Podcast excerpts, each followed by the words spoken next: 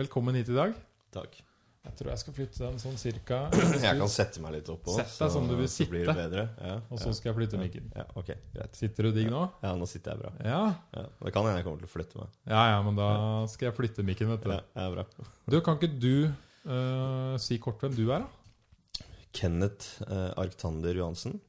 Mm, en del kjenner meg som daglig leder i, i RIO, som tidligere het Rusmisbrukernes interesseorganisasjon, men vi har da skifta navn, så vi heter da bare RIO, en landsdekkende brukerorganisasjon på rusfeltet. Eh, jeg er 39 år, bor på Lindeberg, Ja. eh, Groruddalen.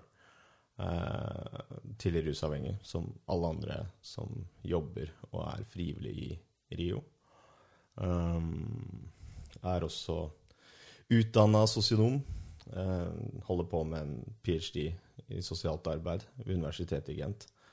Eh, og eh, kanskje litt hvorfor jeg ble invitert her, er jo at de siste åra så har jeg uh, jobba for flere saker, liksom. Men Rio har vært veldig opptatt av rusreformen, da.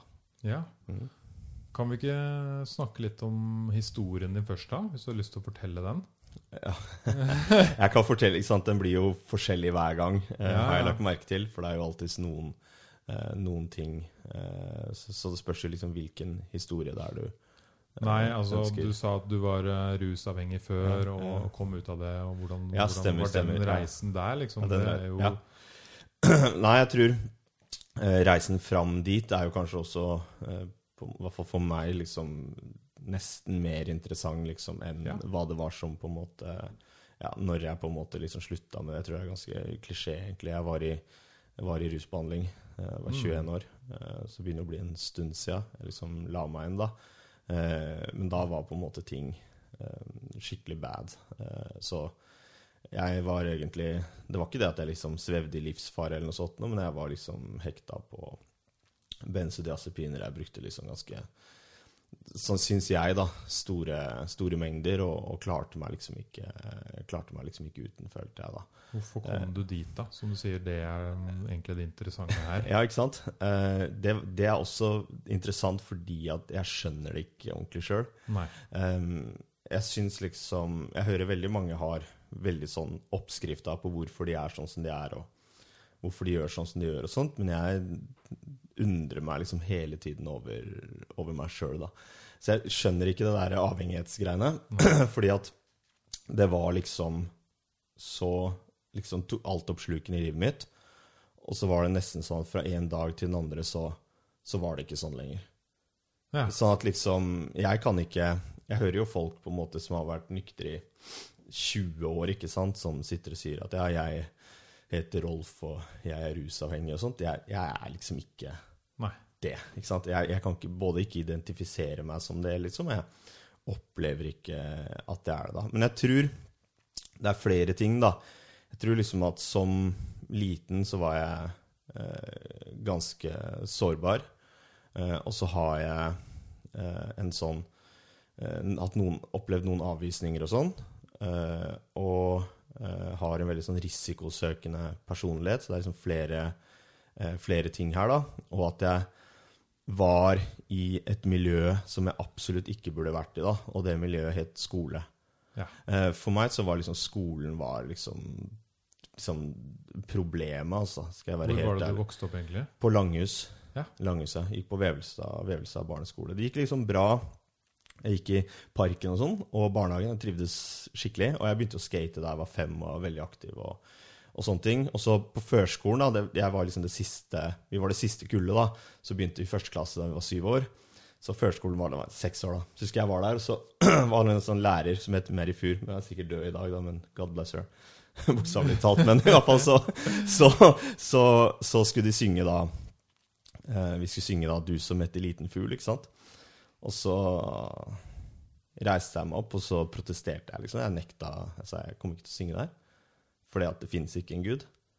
Og jeg kan ikke synge til den guden, liksom. Nei. Og så hadde jeg hørt liksom mutter'n og fatter'n, og de er jo liksom ja, de var jo liksom folk litt på venstresida, raddiser og, og ateister, ikke sant. Så jeg sa jo også at det var gudepiss, da. Et eller annet sånt noe, ikke sant. Ja, ja. Og da blei jo da denne Mary Fur blei jo da eh, bekymra for de autor- autoritære holdningene, liksom. Og, og barnehagen og mutter'n til å komme på sånn møte. Og, og de syns jo liksom at eh, ok, det er bra at han har egne meninger og, og sånne ting. Men det er liksom, det, jeg tror det satt litt tonen, da. Ja. eh, For hele skolen, egentlig. Eh, Jeg følte det som et sånn veldig sånn fengsel. Og hvor ikke jeg kunne liksom utfolde meg, da. Og jeg var også veldig redd for For jeg var ganske liten, så jeg var veldig redd for en del av de liksom større guttene og sånt, da. eh, Som gjerne liksom tok meg på vei til skolen noen ganger. Og ikke sånne ting. Jeg har aldri tenkt liksom på at ok, det der er kanskje mobbing, da. Sant? Men det har jeg skjønt liksom sånn i etterkant, da. Når jeg har møtt liksom hva skal jeg si, utfordrende situasjoner i arbeidslivet, da, sant? hvor jeg har følt liksom at folk har flokka seg liksom rundt meg, og sånn, så har jeg opplevd en sånn type skal minne om en type retraumatisering. Og jeg har skjønt at ok, det er kanskje en del sånne sammensatte, liksom, komplekse liksom, traumer som på en måte ligger der et eller annet sted. da. Ja, det er jo interessant du sier det, for det har jo vært flere innom her som har snakket om eh, Det har jo vært en jente som heter Marianne her, og hun opplevde jo traumer som ung. Og dro på ti dagers meditasjon Mm. når hun var eh, 30, da. Mm. Og fikk endelig den stillheten i hodet Mm. til å forstå at det er faktisk de traumene som har hengt igjen i livet Mm. hennes. da. Mm. Og fikk oppsøkt de igjen og på en måte ordna litt opp i det. Mm. Men det er jo ofte traumer som henger igjen fra når du var barn, som Ja. du ikke helt kan forklare Mm. eller forstå. Mm. Nei, jeg, jeg, jeg skjønner etter hvert mer og mer liksom det, at, at det har liksom hatt veldig mye å si. Det har vært en sånn rød tråd i livet mitt. liksom. Sikkert også derfor jeg når jeg liksom var ferdig i rehab og sånt òg, begynte å trene veldig mye vekter og sånt. Aldri brukt Mm. steroider eller noe sånt. Altså jeg liksom, det Ikke engang da jeg var rusavhengig. Da, jeg tenkte liksom ett steg over grensa. da, Ting som gir deg ikke altså irreversible skader. liksom. Det, det var ikke aktuelt. da, Men jeg liksom, tror liksom hele tiden det der at jeg jeg ja, både det og, og kanskje litt sånn kontrollbehov. ikke sant, ting ja, eh, da på en måte ligge der, da. Men jeg tror liksom Og så var det det at samtidig så var jeg på en måte fanga på den skolen. Jeg kunne jo ikke velge om jeg skulle gå på skolen.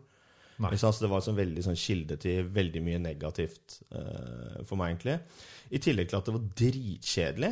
Mm. Uh, og jeg syns lærerne var kjempedumme. Ja. Uh, sånn, jeg kunne lese og skrive da jeg begynte på skolen, og jeg kunne regne. Og så måtte jeg liksom sitte og skrive sånn A, A, A, ikke sant, A, og så B, B, B. Så husker jeg regnet, jeg prøvde å regne på det. Ok, jeg er syv år, jeg skal gå på skolen her i seks år, eh, og så er det tre år på ungdomsskole, og så er det tre år på videregående. Og det er jo lengre tid enn jeg har levd, da. Så det er mer tid enn jeg på en måte kan se for meg, da. Og da ble jeg deprimert. Ja. Sant? Og liksom når jeg kom på skolen, så var det sånn Enten så så bare liksom sovna jeg, da. Jeg bare lå som en sånn slakt ute ved pulten, liksom. Eller så var jeg liksom i hundre og gjorde alt mulig annet kødd, da. Mm. Så jeg, jeg tror liksom det Det kunne med hell noen på en måte ha, ha, ha sett, liksom, da. Eh, Og egentlig det miljøet skulle ikke jeg på en måte ha vært en del av. Så, men jeg hadde skating, ikke sant. Jeg spilte gitar, jeg gjorde liksom masse forskjellige ting. Skata fra fem til jeg var 16, og jeg kjørte for barbecue, og jeg liksom hadde, hadde, hadde masse greier gående sånn sett, som på en måte ikke dreide seg om skolen. Hadde aldri noen problemer sånn faglig sett. Jeg bare hata liksom skolen som eh, institusjon, da. Eh, men så fikk jeg en skade. Jeg tror jeg vet ikke, 15, 15-16 eller noe sånt. nå, Så fikk jeg en, en skade i kneet. da. Jeg slo liksom vann i det og, og masse sånne greier. Og da hadde jeg liksom begynt å røyke weed og, og sånne ting. Da hadde jeg begynt å drikke litt. Det var sånn 9-10. Så det var liksom en, så, Det var sikkert noen faresignaler der, liksom. Men, i hvert fall når jeg ikke hadde skatinga, da ble liksom ble jeg sittende veldig mye og røyke bare, liksom. Eh, og så eh, Og jeg brukte litt cola. Jeg prøvde litt sånn forskjellige ting, og så eh, Når jeg ble bra igjen i kneet, så kom jeg aldri helt tilbake. Jeg følte liksom at jeg var ikke Jeg var liksom dårligere enn det jeg var. Ikke sant? Og det tror jeg også jeg hadde veldig sånn Jeg bare fortrengte egentlig, da. Og så bytta jeg bare bort hele det skatemiljøet, liksom, som var tross alt masse liksom kreative folk og Så det var, det var liksom mye greier i det miljøet, men det var et bra miljø, da. Som, som var stimulerende, liksom. Til på en måte å henge mer i et miljø som mer ja, var mer liksom kriminalitet. Eh, bare drugs. Ja. Ikke sant? Ja. Det ble fokus. Ja, det blei liksom hele greia, og det ga meg mye av det samme òg, da. For jeg har alltid hatt den følelsen at jeg Det er det med den risikosøkende liksom greia. Jeg var ikke den som rusa meg, tror jeg, da. ikke sant? Men dette er som jeg skjønner jo ting etter hvert, liksom, fordi at jeg hadde det så veldig vondt og vanskelig. Men jeg følte jo mer at jeg jeg måtte liksom tilføre et eller annet som liksom gjorde at verden forsvant under føttene mine. liksom da. Og sånn var det fra jeg var liten. liksom, Både at jeg klatra på høye tak, liksom, tente fyr på ting, knuste vinduer på skolen, Mm. sto på skateboard, spilte konsert. ikke sant? Alle ting som ga meg noe, liksom. Eh, mens det ga også da, ikke sant, drugs, da. Eh, så jeg blei med på den derre eh, rave-bølgen da, på slutten av ja, ja. 90-tallet. Så var liksom på Temple of Love og Hyperstate og alle, alle de gode tingene der. De, de åra, Det var ett år liksom hvor jeg drev og spiste mye ecstasy og, og gjorde sånne ting, da, som jeg ble, ble helt forelska i det eh, MDMA-greiene. Og så, eh, etter ett år med det, så var jeg egentlig helt fucked i huet, da. Skal jeg være helt ærlig. Da var liksom alt bare var grått og, og trist. Og, og det var sikkert ikke så rart, for jeg overdreiv jo, da. Sant? Eh, bruken. Eh, og da var det liksom derfra så på en måte begynte jeg liksom å bruke amfetamin hver dag. Og for å liksom holde meg oppe, og så gikk det over i at jeg begynte å bruke Rohypnol. Eh, og så ble jeg liksom avhengig av det, da. Eh, så det var liksom jeg kom til en sånn realisering, da, ikke sant? Fordi jeg ble tatt av politiet hele tida, liksom. Eh, og jeg måtte selge eh, egentlig for å klare å holde forbruket mitt oppe. Altså, Hvor høyt var forbruket? liksom? Var mellom det? 10 og 30 eh, sånne Rohypnol-tabletter om dagen, ca. Hvordan er den rusen, da? Altså, Hva gir den deg? Nei, det, det er jo beroligende, da. Ja. så veldig, veldig beroligende. Har en litt sånn euforisk følelse liksom, idet du tar den. Halveringstiden er ikke så utrolig lang på de tablettene som på en del andre. Så det er en innsovningstablett. da, Kraftig innsovningstablett. Så du får en litt sånn deilig Du vet, hvis du tar deg en pils, da. Den der lille euforiske greia liksom der. Litt, litt, jeg kan minne meg litt om det, sjøl om det er skikkelig liksom, low level. da, Men på en måte Og så er det jo bare liksom nedoverbakke derfra. Det er jo sånn som Den første to-tre pilsen liksom, så er jo det en deilig følelse. Ja. Og så er det nedover. Ja. Det er jo bare sånn når folk står liksom på Skjell klokka tre på natta og skal kjøpe seg pølse med rekesalat og sånt. Liksom. Det er ikke liksom eh, Kebab i halve trynet? Ja, det er bare sånne rølpe, rølpegreier. da. Og det tror jeg liksom med de hypperne, eller Rohypnol, da Vi kalte det hyppere. Det er liksom den eh, Det blir mye av det, da, for å si det Ja. sånn. Du liksom Mye sånn der eh, type hukommelsestap. Du glemmer ting. Eh, gjør ting du aldri ville ha gjort ellers. ikke sant? Jeg kjenner så mange folk som har satt det første skuddet sitt med heroin når de har liksom vært bortreist på Rohypnol. da. Eh, ganske unge, liksom. Så, for du mister veldig mye den der ja, konsekvenstenkinga, da. Ja, for det har jeg tenkt på mange ganger. Eh, hva får folk til å faktisk sette en sprøyte da, i armen sin? Mm. For det steget er ganske mye lenger Mm. enn å liksom ta en pille eller røyke en joint. Ja, for noen. For noen, ja. For noen, Ja, for noen ja, er det ikke det. Altså, du har jo folk som, som henger seg opp i kroker og tatoverer ansikt og så Mm. For noen er det det. For meg så var det et, et, et svært skritt òg, liksom. Jeg, også, jeg har jo skutt, liksom, men eh, på samme måte som med heroin så likte jeg det ikke, da. Jeg, jeg liksom Jeg husker jeg tenkte ja, jeg skal gjøre det der, liksom. Det er jo ikke noe vits å ikke gjøre det, på en måte. Der er du. Men Og liksom satt meg noen skudd med amfetamin og blanding med amfetamin og Rohypnol og ikke sant, sånne ting. Jeg bare Det var ikke meg, da. Så det, så det gjorde jeg faktisk liksom noen ganger, og så det kommer jeg aldri til å gjøre igjen. liksom. Og det var sånn jeg Heldigvis for deg, da. Ja, kanskje. Kanskje. Mm, jeg kanskje. tror liksom ikke det er noen stor forskjell sånn egentlig heller. Eh, det er en måte å innta det på, liksom. Men jeg bare likte ikke, likte ikke greia, da. Eh, og samme var det med, med heroin òg. Liksom. Jeg tok det noen ganger. Eh, røyka det og sånt. Jeg likte ikke. Det har Hadde ikke sansen for det. sikkert, som du forklarer nå, da, veldig mye med miljøet og de folka du henger med. Ja, jeg tror det. Fordi det var litt sånn justis i, i gruppa òg. Ikke sant? Med at ikke vi skulle bruke sprøyter og sånne ting. Og det er klart Ja. at siden jeg slutta da jeg var såpass ung, da, ting endra seg for de folka som jeg vanka sammen med liksom, når, det gå, når det begynte å gå noen år. da. Så på en måte endrer, endrer liksom normene seg litt for, for hva som er akseptabelt, og hva som ikke er akseptabelt, og sånt i et, uh, i et miljø. Uh, helt klart, da. Men jeg var liksom der at jeg som sagt, jeg solgte liksom litt, og det var ikke noe sånn big deal-greier, liksom, men, men for å på en måte holde, holde liksom avhengigheten min liksom ved like. jeg kunne ikke jobbe, fordi at hvis jeg jobba, så på en måte da fikk jeg liksom ikke solgt. Sånn at, liksom, det, det, på en måte, det gikk bare ikke opp, liksom. Og dessuten så ble jeg tatt hele tida, for det blir jo kognitivt helt borte ikke sant, av å bruke de, de pillene. da. Så jeg ble jo bare busta ikke sant, hele tiden, liksom. Eh, og ble bare dummere og dummere og dummere, liksom. Eh, og så på en måte liksom folk fra kullet mitt som studerte liksom medisin eller tannlege, liksom, whatever, liksom, kjørte rundt i bil. Sånn. hvis jeg sykla rundt på en stjålet offroader, liksom, det var Ja. dårlig, dårlig stemning, da. Så jeg, så jeg var liksom Men jeg var veldig Jeg var veldig sånn bestemt på at jeg skulle ikke være Jeg skulle ikke fortsette med det her til jeg var eldre enn 25. Det hadde alltid en sånn greie. Eh, og det sa jeg òg, liksom. Ingen trodde på det, da. Eh, og når jeg dro inn i behandling, så var det ingen som liksom trodde at OK Hadde du n- på en måte nådd bunnen da, eller hvordan hva Nei, det, fikk deg til å nei, jeg tror ikke det fins noen bunn, da. Nei, Nei, jeg tror rett og slett ikke det du kan bare holde på, holde på, holde på. Ja, jeg tror ikke For mennesker så fins det ingen bunn. Uh, det fins død, liksom. Ja. men jeg tror ikke Det er bunn. Ja, det, kan, det kan du kalle bunn, men det er litt vanskelig å reise seg fra den, da, med mindre du er Jesus, liksom. Og det, det jeg tror ikke så, så høyt om meg sjøl, da. Så, eh, så, men, men for meg så var det iallfall Jeg hadde det utrolig kjipt, og eh, det var også noe med at det var ikke noe spennende det jeg drev med. Det var veldig kjedelig, ikke sant? Og, og jeg trengte den, den spenninga litt òg, ikke sant? Og det opplevde jeg ikke lenger. Uh, rusmidlene virka ikke lenger uh, for meg, da. Nei, for det er ikke- vel en annen ting. De slutter vel å få effekten sin, og du må Ja. ta mer og mer. Og Ja, og uansett så liksom Å, yes, woho, nå er jeg skikkelig påtent, liksom. Det, det har det vært 100 000 ganger før. Jeg var ikke den typen. Ikke sant? Jeg følte ikke at det var, det var rus, Rusbruken min var liksom Var sånn. At jeg bare ville liksom kose meg liksom slappe av eller holde en avhengighet ved like. Det var ikke det. Jeg skulle liksom sprenge alle grensene og ikke sant? alt sånt der. Og det på en måte gikk ikke lenger, da.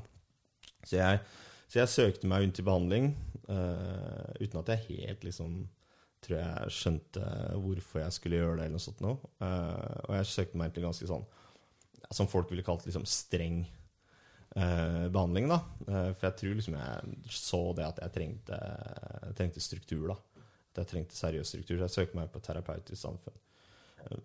Før jeg rakk å, å komme dit, så, eh, så ble jeg innlagt på tvang da, på Blakstad. Så jeg var liksom jeg fikk en sånn Eller først ble jeg liksom innlagt på frivillig tvang.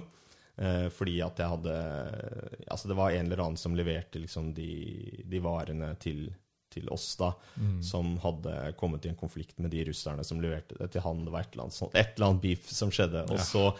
eh, så da fikk ikke jeg tilgang til det. Og jeg var ikke interessert i å dra liksom inn på plata, og sånt, for det hadde jeg slutta med. Jeg hadde liksom, var en liten stund der, og så jobba jeg meg liksom ut av det. da, ikke sant? Så det, jeg skulle ikke ned dit igjen. Eh, og så, ja, så, Men når ikke du får tilgang på eh, benzodiazepiner når du er så hekta som det jeg var, det visste ikke jeg at jeg var det, så kan du bli psykotisk, da. Og det ble jeg. Så jeg ble liksom Jeg fikk eh, diagnosen paranoid psykotisk eh, schizofren. Eh, men det gikk jo over, da, på en dag. På en dag, ja. jo, jo, jeg trengte bare sove, ikke sant? Jeg sov Ja, ikke på fire-fem dager eller noe sånt. Nå mutter'n var Ja, hun liksom var jo der, da, ikke sant? Jeg Ja, bodde hjemme hos mora mi. trengte på en måte å få ut all driten av systemet, Ja, jeg- da? Eller Jeg har ikke peiling på hvordan det der, hva det er som skjer, men jeg var helt gæren, liksom. Jeg var liksom i en helt annen verden og sant, eh, hallusinerte og var liksom alt sånt der. Og så blei jeg liksom lurt da, eh, av, av legen til å, til å si ja til at jeg ville legge meg inn på sånn frivillig tvang i psykiatrien, for de spurte meg liksom om ja, samtykker du til det her? Og jeg bare ja. Ikke sant? Ja. Jeg visste jo ikke hva jeg samtykka til. så jeg hadde jo ikke sånn samtykkekompetanse, er vel det de kaller det. Det var mitt eneste møte med psykiatrien, vel å merke. Mm. Og liksom, det er påfallende. Ett møte med psykiatrien, og så våkner du opp, og så er du reima fast, liksom. Og har ligget liksom bindt fast inne på et rom eh, i tolv timer. Hvor gammel var du da? dopa. 21 år. Ja. Ja, så jeg var rimelig pissed på da jeg våkna. Eh, men det som jeg fikk fortalt, var det at jeg hadde liksom eh, ville ut derfra. ikke sant? Det var det som skjedde. Og så skjønte jo ikke jeg at jeg var der. Jeg trodde jeg var liksom i Ski, så der jeg er fra. liksom, ja. Og så hadde jeg da visstnok, mente de, vært voldelig mot personalet, og det har jeg store problemer med å se for meg at jeg har vært. Mm. Eh, fordi at liksom Jeg tror kanskje det at de at ikke jeg har skjønt at jeg var innlåst. Og så når de har blokkert veien min, så har jeg prøvd å få de vekk, eller noe sånt nå. Og så da har de på en måte da eh, Jeg mener det er liksom ganske seriøs vold, liksom. da, Bare legge noen ned, reime dem fast liksom i flere timer og dope dem ned. da. Ja, Det høres Så jo sånn, helt sprøtt ut. Ja, så, eh, Men jeg slapp ut derfra etter eh, jeg tror det var to-tre dager. Og så da kom jeg inn til behandling da, ved et, et, et terapeutisk samfunn hvor jeg senere også har jobba, da, eh, og var der. Hvor var det her, da? Et sted som heter Phoenix Haga, Mm. som ligger i, i Mysen. Som er også en plass jeg nærer et sånt uh, Altså ikke hat, men sånn intenst misliker, i hvert fall. Da, fordi det, det, ja, det er liksom sånn Du føler at Ok, det er det her, og så etter dette så er det mørket, liksom. Hvis jeg kan si det. Det er ikke Det er eh, Ja da. Men jeg, var, eh, jeg var der i Jeg var jo inne på den rehab-greia i 18 måneder. Eh, Ja, hva, altså, fortell meg litt hvordan det er, og hva man gjør. og Hvordan funker det egentlig når du er 21 og kommer inn et sånt sted? Ja, jeg, jeg tror på sett og vis det gjør det. Um, også om det var det som på en måte gjorde at liksom ting funka, jeg, jeg vet ikke helt, liksom, men jeg tror uansett For jeg tror de aller fleste liksom De aller fleste da, som har et sånn type rusproblem som jeg har, de slutter. Ja, De aller fleste gjør det. De aller fleste som har, det? Ja, de aller fleste som har et omfattende eh, misbruk, Ja, de slutter. Ja, eller bruker mindre. Ja. Fordi de blir eldre. De blir voksne, liksom. De får seg kjæreste, de får seg jobb, de får seg sånne ting. Stort sett da på en måte ordner ting seg for dem. da. Og jeg tror liksom i mitt hue så hadde jeg også en idé om at jeg skulle slutte. ikke sant? Jeg tror det var liksom Jeg tror det var ganske sånn avgjørende, da. Men det å dra på et sånt sted, liksom, for min del, tror jeg var veldig nyttig. Eh, både fordi at jeg slapp å sone, for det tror jeg hadde gjort ting 100 ganger verre da. Eh, og fordi at jeg på en måte ja for det var alternativet, liksom. Ja, Ja. det var det. Eh, så, og at jeg fikk da den strukturen, da. Og det tror jeg var lurt fordi jeg var så ung. Hadde jeg vært, liksom, hadde vært i dag, så det hadde ikke vært noe vits. ikke sant? Og jeg hadde ikke klart å tatt det på alvor engang. Men jeg, men jeg var liksom opp, det var opp klokka seks om morgenen. ikke sant? Vaskerommet. Eh, så er det noen andre liksom, beboere som går romsjekk etterpå og ser om måte, du har vaska rommet ordentlig. liksom. Hvis ikke, så må du fikse opp det som ikke er gjort ordentlig liksom, før du får frokost. Ja, så var det frokost i fast tid. Eh, det var et mannskap på kjøkken. Det var beboerne som styrte hele plassen. da, med altså, Hver mannskap, assistent, arbeidsleder. Så hele, det er veldig sånn strukturelt, litt sånn militant. ja, det høres veldig ut som militær, egentlig. Ja, ja det, er, det er de, kommunikasjon, de hierarkiske kommunikasjonslinjene. Og, og de terapeutiske samfunnene kalles jo ofte for hierarkiske terapeutiske samfunn. også. Så det har mye positivt ved seg. Både det med at det er struktur, det er klart, eh, det er enkelt å forstå. Eh, ikke sant, sånne ting. Samtidig så gir det, så gir det på en måte særlig beboerne og, og stab også muligheter til å, eh, til å kunne utøve maktmisbruk, da, ikke sant, på en måte. eh, som, som jeg også har liksom vært sterkt kritisk til. Så jeg mener liksom På hvilken måte da? Nei, jeg, jeg tror liksom Jeg skrev masteren min der. Ja. Så Eh, du fikk holdt på med utdanning der òg? Nei, det var etterpå, liksom. Jeg, jeg, Om altså, Ja, jeg skrev Mm. om det, liksom. Da skrev jeg om seksualitet da, i det terapeutiske samfunnet, og så intervjua jeg liksom staben. Fordi at jeg var liksom nysgjerrig på eh, ja, For, for det er, før så var det, det er liksom fire hovedregler på sånne terapeutiske samfunn, som er eh, ikke vold, ikke trussel om vold, ikke alkohol, ikke stoff, da. Sjøl om de to er samme greia, ikke sant. Men, Ja. og, ja, men, og så eh, er det da, var det ikke sex. Mm. Men den hovedregelen har liksom tatt vekk, da, fordi at på et eller annet tidspunkt så var det vel noen som skjønte at man kan ikke automatisk si at en seksuell relasjon er et overgrep, liksom. Og så er det noe med at folk har rettigheter og sånt, men uansett så ligger det der som en sånn greie, da. Og det er det veldig mange sånne behandlingsinstitusjoner, så har du sånne regler som skal på en måte regulere romantiske og erotiske forhold liksom mellom, mellom pasienter, da. Som man kan jo på en måte på sett og vis forstå, men jeg tror liksom mye av det handler om sånne myter, da, ikke sant? Og, og, og stigma liksom om hvordan, om hvordan folk er, da. Uh, man tenker liksom at uh, en mann da, i rusmiljøet uh, utnytter kvinner fordi at kvinner i rusmiljøet er på en måte utsatt. da. Eh, og jeg, jeg tror absolutt at i mange tilfeller så, så er det sånn, liksom, at mange kvinner liksom utnyttes.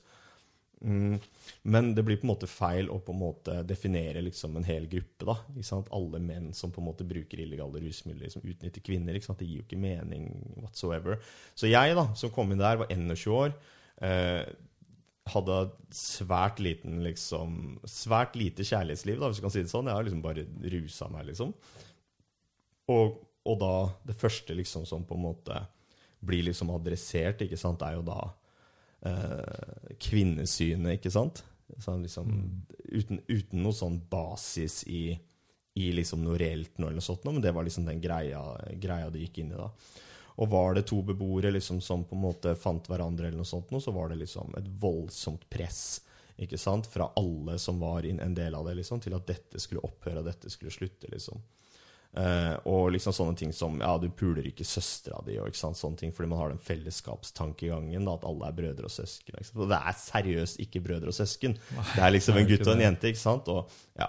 og jeg mener det er sånn menneskerettsbrudd, egentlig. Det er, det er et rettighetsspørsmål. ikke sant? At på en måte personer eh, må få lov til å velge den partneren de vil, liksom, uavhengig av liksom, hvilken setting det er i. Vi kan ikke holde på sånn. Men det gjør vi med rusavhengig. Mm. Og hvorfor gjør vi det akkurat med den, akkurat med den gruppa? Så jeg ville skrive litt og utforske litt om det. da.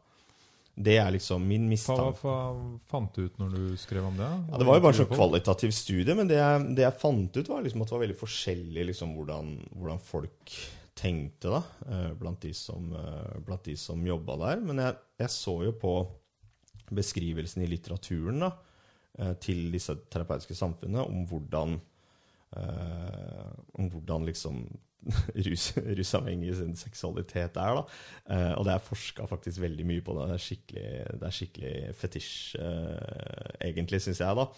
Eh, Men at de var veldig sånn dysfunksjonelle i relasjoner og dysfunksjonelle i seksualitet og romantiske forhold og liksom maktmisbruk og alle mulige sånne ting. Men så mye usikkerhet, da, ikke sant? Men det er liksom syns jeg liksom fikk ut av å snakke med liksom personalet, da, var at de, det som beskriver liksom da beboerne, det kunne jeg like gjerne brukt til å beskrive dem. Ja. Sånn at liksom det, det jeg liksom tenkte, var at her er det bare en gjeng med folk, da. Eh, om det er beboer eller om det er stab. Og det er ikke sånn at ikke det skjer spenninger, i hvert fall, mellom de også, for det er bare mennesker, ikke sant? Men man snakker ikke om ting. Man er usikker på, på sin egen seksualitet. Man er usikker på liksom seksuelle relasjoner, og når det kommer inn i sånne eh, strukturer sånn som dette her, så, så har man masse ulike strategier for å prøve å fortrenge det. ikke sant? Og da, og da kommer det veldig sånn der Sånt Sånn skal vi ikke gjøre, og, ikke sant? Eller jeg forholder meg ikke til det. Og, ikke sant? Det var veldig sånn mye sånn. Så det jeg liksom bare har veldig enkelt liksom foreslått, er bare at man må prate mer om det. da. ja. Her, her, Prate liksom, sammen. ja, man må rett og slett gjøre det. Eh, Det må bli mye mindre farlig å prate om sex, liksom. eh, I sånne uh, terapeutiske settinger. Eh, og og det, det, er, det er Sex er liksom Det er vanskelig, da. Det er veldig komplisert, liksom. Uh, men det blir så mye sånn der, myter og fortellinger og sånn der at ja, to misbrukere ikke sant, så finner hverandre, drar hverandre ned, og så går de til helvete. ikke sant? Masse sånne ting. Mens jeg har sett liksom veldig masse eksempler på det helt fullstendig motsatte. da. Ja. Man Sånn kan jo støtte hverandre òg. Ja, jeg, altså jeg ble dritforelska da jeg var der inne. Det er kanskje derfor jeg skrev den masteren etterpå. ikke sant? For jeg liksom bearbeider hele greia. da, Men ja, jeg ble kjempeforelska. Uh, og når jeg var i liksom ettervernet, da, så var jeg forelska i en beboer som var da inne i, i fase 1. ikke sant? På slutten inne i fase 1. da. Og det jeg opplevde For jeg var liksom Ok, alle de der reglene og sånt, det ga jeg faen i. Men jeg har aldri vært så veldig flink til å liksom følge regler, da. Så det var liksom en re opp senga og den pakka der? Eller? jo, det gjorde jeg. Det, var jeg flink til. Det er, det er enkelt, enkelt å forstå. Ja, men ting som jeg forstår, liksom, Ja. det, det skjønner jeg, og det respekterer jeg. Liksom, og det er, koster meg ingenting. Det er bare helt hyggelig. Jeg gjør det ikke nå. Nei. Nei, jeg gjorde det da. Ja. Sant? Det tilpasser meg liksom, survival of the fittest. Men, men, eh, men, men det å bli forelska, ikke sant, det, og særlig når du er ung, liksom, det er liksom Det, det tar over alt, da. Ikke sant? Og da kan du liksom ikke Og det er sånn som jeg har gjort som fagperson senere. ikke Da kan ikke jeg forvente at den personen bare skal liksom slutte å være forelsket. Så Det blir jo helt idiotisk. For meg så var det, den dama var det eneste som sto i huet mitt da. Jeg skulle ha den dama, liksom. Hvis du ikke da i det hele tatt får lov å bli nekta totalt, så blir det jo en veldig vanskelig situasjon. Da. Ja, ja, det ble veldig vanskelig. Og jeg da vil du jo liksom i hvert fall bli frustrert og sur på de som styrer det stedet. Oh my god. Jeg var så alene, liksom. Fordi Ja. det var jo da alle beboerne var imot meg. Staben var imot meg. Alle var imot meg, liksom. Eh, og jeg var liksom fighta for det der, men jeg så jo at ikke det Fight for the love. Ja, ja, men det gikk. sant? Det fungerte jo ikke, det. Og så, eh, og så- men det var flere ting, da. Som jeg sa, jeg skjønte ikke helt hvorfor jeg egentlig hadde dratt inn i behandling, på sett og vis. Jeg klarte ikke helt å liksom kicke den gamle identiteten. Jeg kom inn litt for raskt, føler jeg. Eh, så jeg ble liksom stående og oppleve at jeg skal jeg si for noe? At jeg, jeg kunne ikke jeg kunne ikke liksom akseptere den identiteten som på en måte ble Som jeg liksom skulle være da. Som liksom Å, han derre rehabiliterte fyren. Eller, ikke sant. skoleelevene Skoleeleven. Jeg hadde begynt på videregående igjen. Eh, og jeg kunne ikke se for meg liksom narkomane Kenneth, da. Det, det skulle jeg i hvert fall ikke, og det var jeg liksom bestemt på. Jeg hadde hele tida sett for meg bli fort, Hvis ikke jeg klarer å slutte, liksom, så skyter jeg meg sjøl. Ja. Fordi det livet orker jeg ikke, liksom. Jeg kan ikke være den personen. Um, så jeg dro jo liksom Det var da siste gangen jeg brukte liksom drugs, da. Den gangen der. Fordi da, da liksom skrudde jeg av telefonen, husker jeg, og alt bare OK, fuck det her. Og så dro jeg inn til, inn til byen.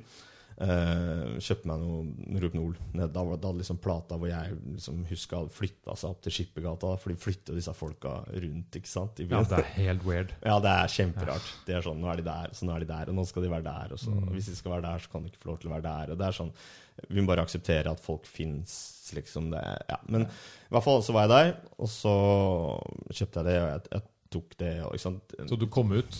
Ja, jeg var, jo, jeg var jo i ettervernet, så jeg bodde i egen leilighet. Og, Ja, og sånne ting. Jeg hadde liksom vært ferdig med fase 1, som det het, og så bodde jeg da i noe som het fase 3. Så det var egentlig at jeg hadde skaffa meg egen leilighet, bodde der. Gikk i grupper hver 14. dag, eller ikke sant, noe sånt noe da. Mens hun som jeg liksom var så forelska hun var da inne på, Ja. på Hagadam. Ja. Um, og så ja, den kvelden der det var bare sånn dragsug av ting. liksom. Jeg liksom følte å, endelig, nå skal jeg gjøre det her. Og hvorfor har jeg slutta å gjøre dette? Jeg må bare fortsette å gjøre det her.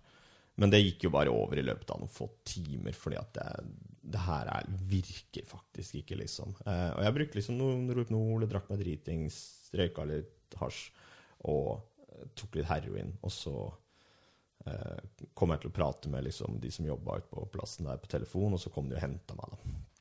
Eh, og det var her som er liksom det med hvorfor jeg ikke skjønner den avhengigheten. da, Fordi jeg, liksom noen dager etter det, så sto jeg på togstasjonen i Mysen. Kanskje liksom, Hvis Mysen er en dårlig, et forferdelig sted, så er liksom togstasjonen i Mysen liksom Hvis du drar videre, så er det Rakkestad, liksom. ikke sant? Det er, og det går to ganger i døgnet, og det er, det er på det nivået, da. Men jeg sto i hvert fall på, inne på postkontoret da, på togstasjonen på Mysen, hadde tatt ut penger og sånn, hadde liksom en del penger på meg. Og så hadde jeg egentlig tenkt å dra inn til byen, da. Så det var enten, Og da sto jeg enten med valget liksom skolen, som jeg sa, ikke sant, som jeg hadde mildt sagt vanskelig ambivalent forhold til, og eh, det å dra inn til, inn, til, eh, inn til byen, liksom. Og da Jeg kunne jo heller ikke være narkoman, som jeg sa, ikke sant. Og da skulle jeg bare ta heroin, som jeg ikke likte engang. Men til jeg liksom bare ikke var mer, da. Sant? Det, var, det var de to valgene jeg så for meg. Og litt rasjonell uh, ga jeg meg sjøl lov til å være, i hvert fall. Så jeg tenkte liksom det er et jævlig dårlig valg, da. Ja, det er to ja. Det er vanskelig det er et enkelt valg, egentlig. Ikke sant? Det er sånn der, ok, Men jeg kan jo alltids ta det toget seinere, liksom. Og dø. Det, det er alltid en option. Uh, så jeg tenkte liksom, ok, men da Fuck it, jeg, jeg gjør ikke det der mer, tenkte jeg da.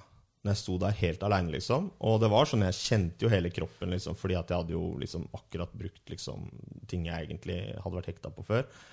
Um, men jeg tenkte liksom, nei, jeg bare uh, Nå går jeg på skolen, og så lever jeg det livet der. Og etter det så var liksom den delen av livet var bare borte, liksom. Mm.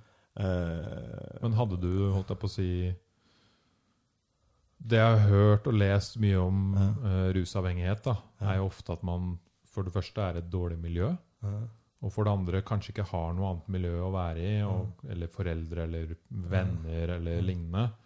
Og en ting jeg har lest, er jo om Vietnamkrigen. mm, Der var jo veldig mange som dro Mm. dit. De, Mm. de drev ikke med rus. mm, Og så gikk de i krig, hvor det var helt grusomt. mm, Og så begynte veldig mange med opium. Mm. For det var en veldig fin løsning på Mm. å ikke ha det så jævlig. ikke sant? Mm. Krig er jævlig. Mm. Eh, og så kom de hjem til USA, Mm. og da slutta jeg husker ikke åtte av ti eller Ja. av ti eller noe. Ja. Fordi de kom hjem til en trygg, Ja. fin setting med bra folk, familie, ikke sant. Men de som ikke kom hjem til det, Mm. de sleit. Ja. For de var ensomme. Ja. De hadde det kjipt. Og, men det som er, det her er også folk som begynte med disse drugsene i voksen alder. da. Det Sånn er det. det. er? Jeg, jeg tenker meg det liksom at det er litt, grann, litt grann annerledes hvis du begynner når du egentlig er et barn. da. Ja. Fordi du har liksom ikke noe å Alt det du skal gjøre, skal du på en måte gjøre på nytt, liksom. da. Sant? Skjønner ja. jeg mener? Så for, for meg så føltes det ikke sånn veldig sånn at jeg hadde en gruppe eller noe sånt. Men jeg har aldri følt det som så viktig, skjønte jeg. Og det var liksom kult, for det skrev de også liksom i den derre eh, rapporten liksom Da jeg var ferdig med ettervernet på, på, på Haga, da, så var det egentlig at det ser ikke ut som nettverk er så viktig for Kenneth. da, Fordi at alle liksom var alltid de skulle dra på besøk og være hos folk, og det var veldig viktig, og liksom nettverk og venner, og at de snakka hele tida om 'den står meg nær', og 'den står meg nær'. Så hver gang jeg fikk det spørsmålet, jeg bare Jeg veit ikke, altså. liksom, jeg har lyst til å bare eh, Og det var jo sånn, jeg gikk jo på skolen også. Eh, det var jo også litt kult, fordi når jeg begynte på skolen jeg tror Det er liksom hva som skjer, særlig når du opplever å bli mye hundsa med av politiet og, og fra samfunnet. og alt sånt der, Så etter hvert så begynner du å tro mindre og mindre på deg sjøl. Altså, vi har et system som gjør at folk som har rusproblemer, de ender opp liksom bare med å skamme seg veldig over seg sjøl. Eh, og, og det tror jeg var veldig tilfelle for meg. Så mange nederlag og ikke sant, sånne ting. Så at når jeg begynte på skolen, så eh, så tenkte jeg ok, det her kan jeg ikke. Jeg skjønner ingenting av hva noen snakker om. da. Jeg er helt hjerneskada. Det her går ikke, liksom. Eh, og så fikk vi to sånne oppgaver eh, etter å ha vært liksom en måneds tid. eller noe sånt. En i historie og en i norsk. Jeg husker ikke hva den i norsk var. Men den i historie var fall å skrive om noe sånn antidemokratiske strømninger i Europa i mellomkrigstida. eller ikke sant, et eller annet sånt. Og jeg skrev en stil liksom på det, og en annen en, og så kommer liksom læreren, så sier han du liksom, du skal ha sex på den her, og du skal ha sex på den her. Oi. Sant? Og da tenkte jeg sånn Hva faen, liksom? Det er noe i topplogget. Ja, men hva er det jeg har trodd? Liksom, hvorfor Ikke sant? Det jeg skjønte etterpå Shit, liksom. Jeg var ordentlig ute å kjøre. Ikke Ja. sant? Jeg, jeg så for meg at jeg husker mutter'n ble så forbanna på meg da jeg var inne i behandling. Liksom. Jeg sa det at jeg Ja, det jeg, det jeg ser for meg Hun bare Hva er målet? Sånn, det målet mitt er at når jeg kommer ut herfra, så skal jeg begynne å jobbe på lager. Sant? For jeg hadde jobba på lager før, da. Og det er faktisk, jeg savner det den dag i dag. liksom. Det var Mm. jævlig fett å jobbe på lager. Det er liksom, ja, men det er så enkelt og oversiktlig, og alle er liksom like, og alt sånt der, da. Men jeg husker liksom jeg mente ja, men du kan jo få til mer enn det. Så nei, det Sorry, ass. Det, Så du mener det at det På en måte den uh, shamen som politiet og samfunnet sånn gir deg, det får deg altså til å føle deg mer dum, Ja, du føler deg dårlig, dårlig, ja, dårlig, Dårligere. dårligere enn andre mennesker. Ja. skamfull og liksom Nei, faen, dette er, jeg klarer ikke det her, egentlig. Ja, ja, klart det. Klart det. Du er jo Man kan liksom prøve Altså, man prøver å si at det ikke er sånn, liksom. Men jeg kan ikke se annet enn at når du har et samfunn hvor liksom folk, fordi de kanskje har eh, et eller annet problem eller sant, noe sånt noe, og bruker liksom et illegalt rusmiddel, er deres måte å løse det på, jf. det du sa sant, med Vietnamkrigen. Så da er det fullt tillatt å på en måte arrestere den personen, sette håndjern bak ryggen? Eh, putte personen på glattcelle i flere timer, du veit ikke når du slipper ut. Eh, kle personen naken under påsyn av fremmede mennesker, da. Få personen til å sette seg på huk og hoste naken. Eh, bøye seg fram, se inn i analen. liksom. Alle mulige sånne weirde ting. da. Eh, Ja, hele Eh, den pakka der høres ut som på en måte det mest sånn skamfulle og du, Altså, Ja. du føler deg ikke konge når du kommer ut av den, Nei, det er den veldig, runda veldig, der. veldig integritetskrenkende, liksom. Jeg, Ja. eh, jeg kan se for meg, liksom, særlig for de som er sårbare, da, sårbare altså ungdommer som er liksom i risikosonen, som på en måte har opplevd seksuelle overgrep og sånne ting. Det her er åpenbart er med på å sementere det. ikke sant? Her er det tillatt for samfunnet å gjøre egentlig seksuelle overgrep. Liksom. Du kan, man kan si hva man vil, da, men Ja, jeg mener det her er ja, Hvis du hadde gjort sånn her, og ikke du hadde hatt hjemmel for å gjøre det, er voldtekt. Mm. Ja. Det, det er definisjonen på det, liksom. Ja. Eh, hvis du på en måte stikker fingeren opp i rumpa på den, eller du, du krever at de skal kle seg nakne, og du skal titte litt sånn på kjønnsorganer, sant? alt sånt der, det er altså I alle fall så på en måte er det et overgrep. Da. Det eneste som på en måte rettferdiggjør det, er at du har en hjemmel for å gjøre det. Ikke sant? Og den hjemmelen som du har for å gjøre det, det er strafferamma som ligger i legemiddelloven. Sant? Og det er da det er På bruk og besittelse én til to brukerdoser, liksom, så er det en strafferamme på seks måneder fengsel. Alle er enige i at folk ikke skal settes i fengsel i seks måneder for å være besittelse av et gram med hasj, og det skjer ikke. Sant? Men grunnen til at politiet fortsatt nå, når vi ønsker å avkriminalisere, ønsker å på en måte beholde det, er fordi at de da har adgang til det de kaller for straffeprosessuelle tvangsmidler. da. Og det er litt viktig at vi på en måte husker hva er disse straffeprosessuelle tvangsmidlene? Jo, det er de tingene jeg på en måte lista opp. da. Muligheten til å gjøre kroppslige undersøkelser. Eh, muligheter til å gjøre dataransaking, altså gå gjennom mobiltelefon, Facebook, Snapchat, whatever.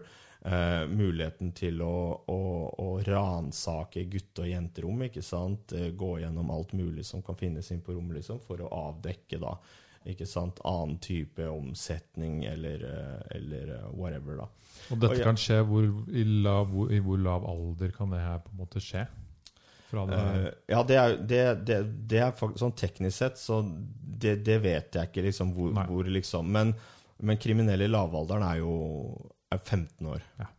Så, eh, så, så det er klart at man, man, man gjør ting liksom mot mot, eh, mot unge, unge, unge mennesker som på en måte jeg mener er Altså, hvis man tror at man skal liksom stoppe narkotika, skape et narkotikafritt samfunn, da, eh, så kunne jeg kanskje skjønt at man hadde holdt på liksom sånn, da. Og det er jo i den tiden vi på en måte skapte den politikken, når folk faktisk trodde på det. Det er ingen som tror på det lenger. Nei. Det er ingen som tror på det lenger. ikke sant? Ingen. Men- det funker jo ikke Nei, nei. noen, noen steder i verden. Nei, men praksisen vår er Den samsvarer med den ideen om at vi skal ha et narkotikafritt, narkotikafritt eh, samfunn. Da. I alle fall, så jeg tror det var liksom en del av pakka. Man har liksom vært marinert i straff, og det å se ned på disse folka liksom i, i så mange år, liksom, så jeg er helt sikker på at det var liksom medvirkende fall til hvordan jeg så ned på meg så ned på meg sjøl. Eh, Og oppdaga at ok, jeg har faktisk liksom Jeg har eh, egenskaper, kvaliteter og ikke sant, sånne ting. Så jeg, når jeg var ferdig med da videregående Jeg var nesten ikke på skolen. Jeg, liksom- jeg, som sagt, jeg liker ikke å stå på drapsskolen, liksom. Det, det likte jeg ikke. Eh, og jeg husker jo det var en episode da når jeg gikk på, eh, gikk på videregående der, hvor eh, fordi at jeg hadde vært borte mye da, og så hadde jeg hatt den, den sprekken som jeg nettopp nevnte, så ville liksom Altså hun som var primærkontakt for meg, da, hun ville ha et møte med, med læreren, altså klasseforstanderen og meg, da, om dette her. Og at jeg hadde vært så mye borte fra Altså ikke gikk på skolen, skulka skolen sånn. Og det var jævlig fett, fordi i det møtet hun liksom Ja, du kan jo fortelle sjøl hvordan det gikk, og jeg bare Ja, jeg sprakk og satt der og sutra, ikke sant. Og så sier han læreren, han var sånn litt sånn streng type fra uti i Var det Ørje eller Øyer? Ja, ute i Østfold der iallfall. Og så sier han ja, har du sett på karakterene hans? Sier han til henne da. Så hun bare nei, jeg har ikke gjort det. Nei, jeg foreslår at du gjør det, jeg. Og så er det møtet her over. Da tenkte jeg sånn Ikke sant? sant? Kanskje jeg ikke må liksom gjøre alt sånn A4, liksom, da. Jeg kan liksom gjøre ting litt på min egen måte. Ja, for det er ikke alle som passer inn i den A4-greia. Nei. Så det jeg gjorde, var at jeg bare slutta å gå på skolen. Ja. Jeg bare blei hjemme. Satt og leste hjemme. Eh, Så litt på TV, leste, leste litt eh, fantasybøker. Gjorde andre ting, liksom. Dro og trente. Uh, til jeg fikk sånn til jeg fikk sånn, sånn brev da, om varsel om liksom, at jeg kan gå ned i karakter pga. så mye fravær. Og da var jeg på skolen hver dag. fram til jeg var Fram til liksom året var omme, da. Mm. Uh, og, og det fungerte veldig godt for meg, egentlig. Uh, jeg gikk ut liksom hadde gode karakterer og sånn. Og kom jo inn på, på, eh, på høyskolen i Lillehammer. Uh, begynte liksom da, gikk ett år. Første år gikk jeg på barnevern, og så switcha jeg over til sosionom uh, etterpå, da. Um, trivdes veldig godt med, med å, å, å studere. Uh, og, og trivdes veldig godt med å jobbe liksom, med rusavhengig etterpå. Eh, jeg har jobba i spesialisthelsetjenesten flere steder. Jeg jobba på, på Phoenix Haga, det stedet som jeg nevnte. Jeg jobba på Veksthus i Oslo. Jeg jobba i Oslo universitetssykehus og ja, i det hele tatt. Og eh, har jobba i barnevernet. Eh, sånn kommersielle barnevernsinstitusjoner, egentlig. Som jeg har etter hvert blitt veldig veldig imot. At man skal drive og tjene penger på de tingene der. Eh, jobba som fagkonsulent i sånn rus- og psykisk helseteam i kommunen. Eh, og så har jeg jobba nå i RIO, da, en brukerorganisasjon, siden 2013. Ja, så var jeg informasjonsansvarlig der fram til ja, for, uh, for, januar i år, hvor jeg ble daglig leder. da. Ja, Ja. kult. Fortell litt mer om eh, Rio og hva dere holder på med. Ja, Vi skal liksom da bidra med fag- og brukerkunnskap på rusfeltet. Eh, sånn at alle personer som har rusutfordringene, får de tjenestene de trenger når de trenger dem. Så det er ganske sånn bredt liksom, eh, formål. Eh, vi har jo noen saker som vi på en måte eh, kanskje er mest kjent for liksom sånn i offentligheten, da, som f.eks. integrert ettervern. At det er veldig, veldig liksom, mange som er inne til behandling, og så er liksom behandlinga ferdig, og så er det tilbake til liksom kommunen, og det er en eller annen sånn nedsnødd sosionom som sitter liksom med 50 klienter i mappa si. ikke sant? Og hvordan skal dette her fungere? Vi mener jo liksom at der hvor du er i behandling, de skal ha muligheten, gis muligheten til og forpliktes til å følge opp personer i en lengre periode etterpå, sånn at ikke du slipper folk egentlig før de er klar for det. Ja, for det kan vel Det er jo litt det samme som Vietnamkrigen, Mm. Ikke sant? Relasjoner. Ja. At du må på en måte la folk For jeg tror liksom dette her er veldig relasjonelle problemer vi egentlig snakker om. Det er sosiale problemer, liksom. Og det må løses bl.a. med liksom sosiale tiltak. da. Og hvis du legger opp til da en, en type behandling som bryter relasjoner, ikke sant? og skaper uforutsigbarhet og usikkerhet og ikke sant? Det, det, det er liksom veldig sånn kontraindiktivt med hva du ønsker å gjøre, da. Sant? Jeg ser jo for meg hvis du er på rehab og er der i tre måneder, da. Mm. Og så Ja, takk for deg. Ha det bra. Nå er du liksom Nå er du ferdig med rus. Mm, mm, Og så stikker du hjem til Oslo igjen. mm, mm. Så er det ikke lange veien Nei. til de samme gjengene og Ja. til plata og Ja, liksom ja.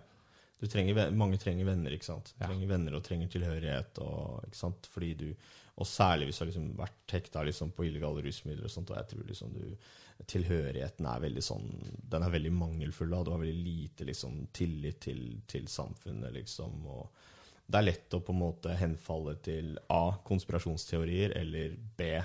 rusmidler. ikke sant? Med, jo, men det er jo noe med det, ikke sant? Det er, eh, du, du er liksom ikke på innsida, da. Ikke sant? Det er eh, eh, Ja, så, så, det, så det er vi opptatt av. Og så den andre tingen vi liksom er veldig opptatt av akkurat nå, er jo da rusreformen, da.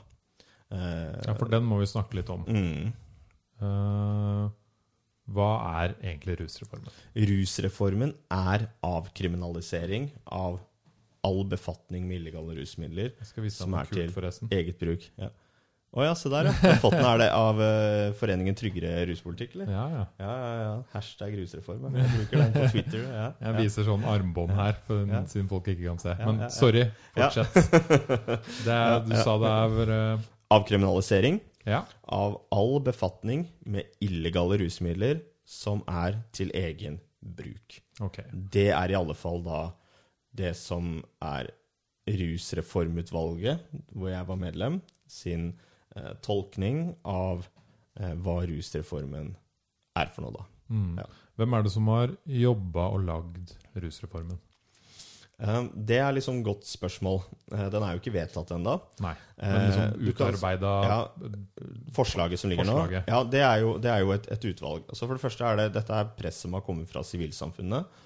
Eh, bruker- og interesseorganisasjoner. RIO, Foreningen for human narkotikapolitikk, Prolar, Marborg, Foreningen Trygge ruspolitikk, you name it, liksom. Eh, som på en måte har, har etter hvert bygd opp mer og mer liksom kunnskap. Sånn at argumentene er veldig sånn overbevisende da, for hvorfor Mm. man burde slutte å straffe eh, rusavhengige og personer da, som bruker illegale rusmidler. Eh, og så er jo jeg av den oppfatning at eh, det hadde ikke skjedd, at vi hadde, hadde ikke kommet så langt hvis ikke det var for han som vi har som helseminister nå, da, Bent Høie. Bent Høie. Ja, fordi at, og jeg tror liksom alle driver og sier sånn Ja, det var det her som snudde Høie, eller det var sånn og sånn, liksom. Eh, Jeg liksom jeg ble, Første gang jeg prata med Bent Høie, var i 2012. eh, Og jeg liksom Han er en person eh, som er veldig sjelden blant politikere, da. som setter seg utrolig godt inn i saken som han jobber med. Så han er på en måte en, en fagperson, da. Eh, så det er klart, han vil nok si at ja, det, dere snudde meg og fikk meg til å innse og alt sånt der. Ok, Men jeg opplevde at han innså dette her litt før, egentlig. Eh, før på en måte han gikk ut liksom med det og, og, sånne ting også, så var det klart at det er personer rundt han i Høyre eh, som også har vært veldig opptatt av, av, det spørsmålet her, og som har vært det lenge. da. Eh, skal jeg ikke liksom nevne navn og, og sånne ting, men det er iallfall min opplevelse av det. da. Når han gikk ut da, og svarte jo på en kronikk som vi hadde skrevet, flere av organisasjonene, og sa det at jeg ønsker dette her. Ønsker å slutte å straffe rusmiddelbrukere. Eh, så det var et innspill fra han til Høyre sin programkomité den gang, i 2016. Eh, og var et innspill han da ga i media. Eh, så det skapte jo mye oppmerksomhet og mye debatt. Det var i 2012? 2016. 2016, ja. 2016. Det ble mye debatt, og Høyre gikk jo for dette her over 90 flertall eller sånt, på Høyre sitt landsmøte i 2017. Um, det skapte liksom en sånn politisk jordskjelv, mener jeg, da, hvor liksom alle måtte forholde seg til dette. Altså, I Arbeiderpartiet så har det vært stemmer som har vært opptatt av det her. Thorvald Stoltenberg, f.eks. Men Høie var, liksom, var nestleder da, og helseminister. Det var en litt annen politisk eh, liksom størrelse på det tidspunktet. Eh, så partiene, alle partiene, bortsett fra ett, Fremskrittspartiet, eh, hadde vedtak på landsmøtene sine om, eh, om rusreform. da. Så Arbeiderpartiet hadde jo et vedtak som gikk i den retninga, iallfall. Senterpartiet hadde et vedtak som, hvor de gikk på en måte lenger mot en, en, type endring enn det de har gjort tidligere, da, men fortsatt at de vil beholde dette innafor strafferetten, altså ikke avkriminalisere. Sosialistisk Venstreparti gikk for, Rødt gikk for, Miljøpartiet De Grønne gikk for. Venstre har jo alltid vært for. Mm. De har på en måte vært, uh, vært uh, på den bagen. da. Uh, og Kristelig Folkeparti de, de mente, var til og med på landsmøtet diskuterte å se til Portugal, og alt sånt der, men landa på et, et, noe mer konservativt standpunkt. da. Så som en konsekvens av alt det her, da, i en, an, sånn, en, merknad til statsbudsjettet i helse- og omsorgskomiteen i desember 2017, eh, så var det et flertall for at det skulle settes ned et utvalg og forberede og utrede en reform. Mm. Så da blei det da gjort det, i 2018, mars, tror jeg det var. Hva slags type folk ble, var med i dette? Ja, det er oppnevnt av kongen i statsråd, da, så det er, eh, det er, veldig gøy. Jeg har skrevet det på en sånn engelsk CV en gang. Sånn 'Appointed by King'. Uh. ja, bare, jeg vet ikke hva han hadde med det å gjøre, men jeg vet hvordan det funker med det. Så. Eh, men det, var, det var, jeg mener at det var et ganske sånn bredt sammensatt utvalg, da. Med liksom god eh, kjønnsvariasjon. Eh, altså menn og kvinner, da, var det som var. Og eh, ganske tungt på juss. Eh, og personer med sosialfaglig utdanning, forskerkompetanse og personer med brukererfaring. Hvor mange var dere, da? Eh, Til sammen? Ja, det husker jeg faen ikke. Altså, jeg mener det var ti. Ja. Ti eller elleve. Og målet deres da, det var å Det var å utrede og forberede regjeringens varslede rusreform. Ja. Mm, som var å gå fra straff til hjelp, og som var å overføre ansvaret for bruk og besittelse fra justis til helse. Eh, og så skulle vi se på andre land, og spesielt på Portugal, da, som avkriminaliserte og gjennomførte sin rusreform i 2001. Fortell litt om Portugal. da. Hva var det dere fant ut når dere Nei, så på de? Ja, Jeg har sett mye på, mye på Portugal tidligere også. Eh, det du kan si, Portugal de gjennomførte jo liksom masseendringer da, i 2001. De hadde allerede eh, altså en type norm da, som gikk på at man liksom skulle liksom ikke straffe egentlig folk for bruk, men at man skulle liksom de kunne unngå straff for å motta behandling, eller ikke sant, sånne ting. Så man hadde liksom den der eh, behandlingsfaktoren. Eh, Portugal hadde jo en sånn heroinepidemi eh, og eh, store problemer med hepatitt C, hiv, eh, Eh, ikke sant? Og det gikk liksom på tvers av alle klasser og, og sånt noe. I tillegg til at de hadde Europas største åpne russcene. Casal Ventoso, som lå liksom utenfor uh, Lisboa. hvor det var liksom, jeg tror det var sånn 5000 på en måte personer innom om dagen. og Det var liksom, det bodde masse folk der, og det var masse immigranter. ikke sant? Det var liksom, eh, det var ekstrem fattigdom og nød liksom, som stirra alle liksom i ansiktet. ikke sant? Dette må vi løse. Og klart at verktøyene vi har brukt for å løse dette her, virker ikke. Nei. Så de ville gjennomføre en total reform. De satte ned et sånn ekspertpanel da, eh, som, som kom med 13 forslag, 13 anbefalinger, som ble da til da eh, en sånn antinarkotikastrategi-type greie som Portugal liksom innførte, og der var en av de var avkriminalisering. Sånn, Det var både det med annen type forebygging, mindre sånn rusforebygging, men sånn forebygging generelt, liksom, da, med livsmestring og ikke sant, bedre helse og sånne ting. Og så var det skadereduserende tjenester. Det er Portugal er kjent for at de har sånn lavterskel metadonprogrammer, da, hvor de har sånne busser som liksom kommer ut. Og så, Du veit når du er på McDonald's ikke sant, og fyller liksom med ketsjup. Det er nesten sånn. Hvor du står og liksom Her er det metadonen din, ikke sant? Og, og veld, veldig lav, lav terskel på, på sånne type skadereduserende tiltak som jeg tror har veldig mye for seg, og som har vært med på å få overdosedødsfallene i Portugal veldig ned. da. Eh, og så at de avkriminaliserte, at de flytta da Det er det her som er liksom, Kan jeg forklare litt hvordan de har liksom avkriminalisert? Altså har vi foreslått noe annet her. Ja. Men hvor de da flytter eh, bruk og besittelse ut fra det som man kaller det strafferettslige, over til det sivilrettslige. da. Sant? Eh, det betyr ikke at ikke du kan gi strafflignende sanksjoner. Og det kan du i Portugal. I Portugal så har de sånne frarådingskommisjoner, som de kaller det. Så jeg mener at Portugal ikke er en liberal modell. Det er en nesten drakonisk liksom, modell. Men det som gjør den liberalt, er at det er Portugal, ikke sant? så de, de gjør ikke alltid alt de sier Nei. de skal gjøre. da, ja. Det, det er litt er det som, ja. hippie Ja, det er litt mer sånn manjana. ikke sant? Det er, Ja. det er litt mer sånn, er mitt inntrykk av det. liksom da. Det er en annen, veldig annen kultur. da. Ja. Og mange av paragrafene brukes ikke. De aller fleste brukes ikke. sant?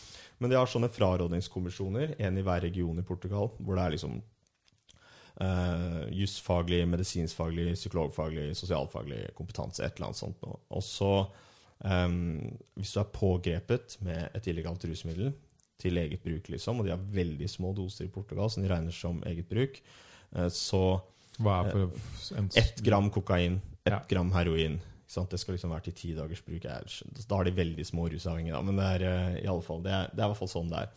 Eh, Men det, det følger bare en annen liste igjen, så, så det her er litt sånn, det er ting som på en måte må ryddes opp i. Da Eh, Og så Da må de innen 72 timer De får sånn pålegg fra politiet at de må møte hos den frarådingskommisjonen. da Og der skal de frarådes. For det, det er ikke bra at du driver med. Og så når de kommer til denne kommisjonen, så skal de jo da defineres inn i én av to kategorier.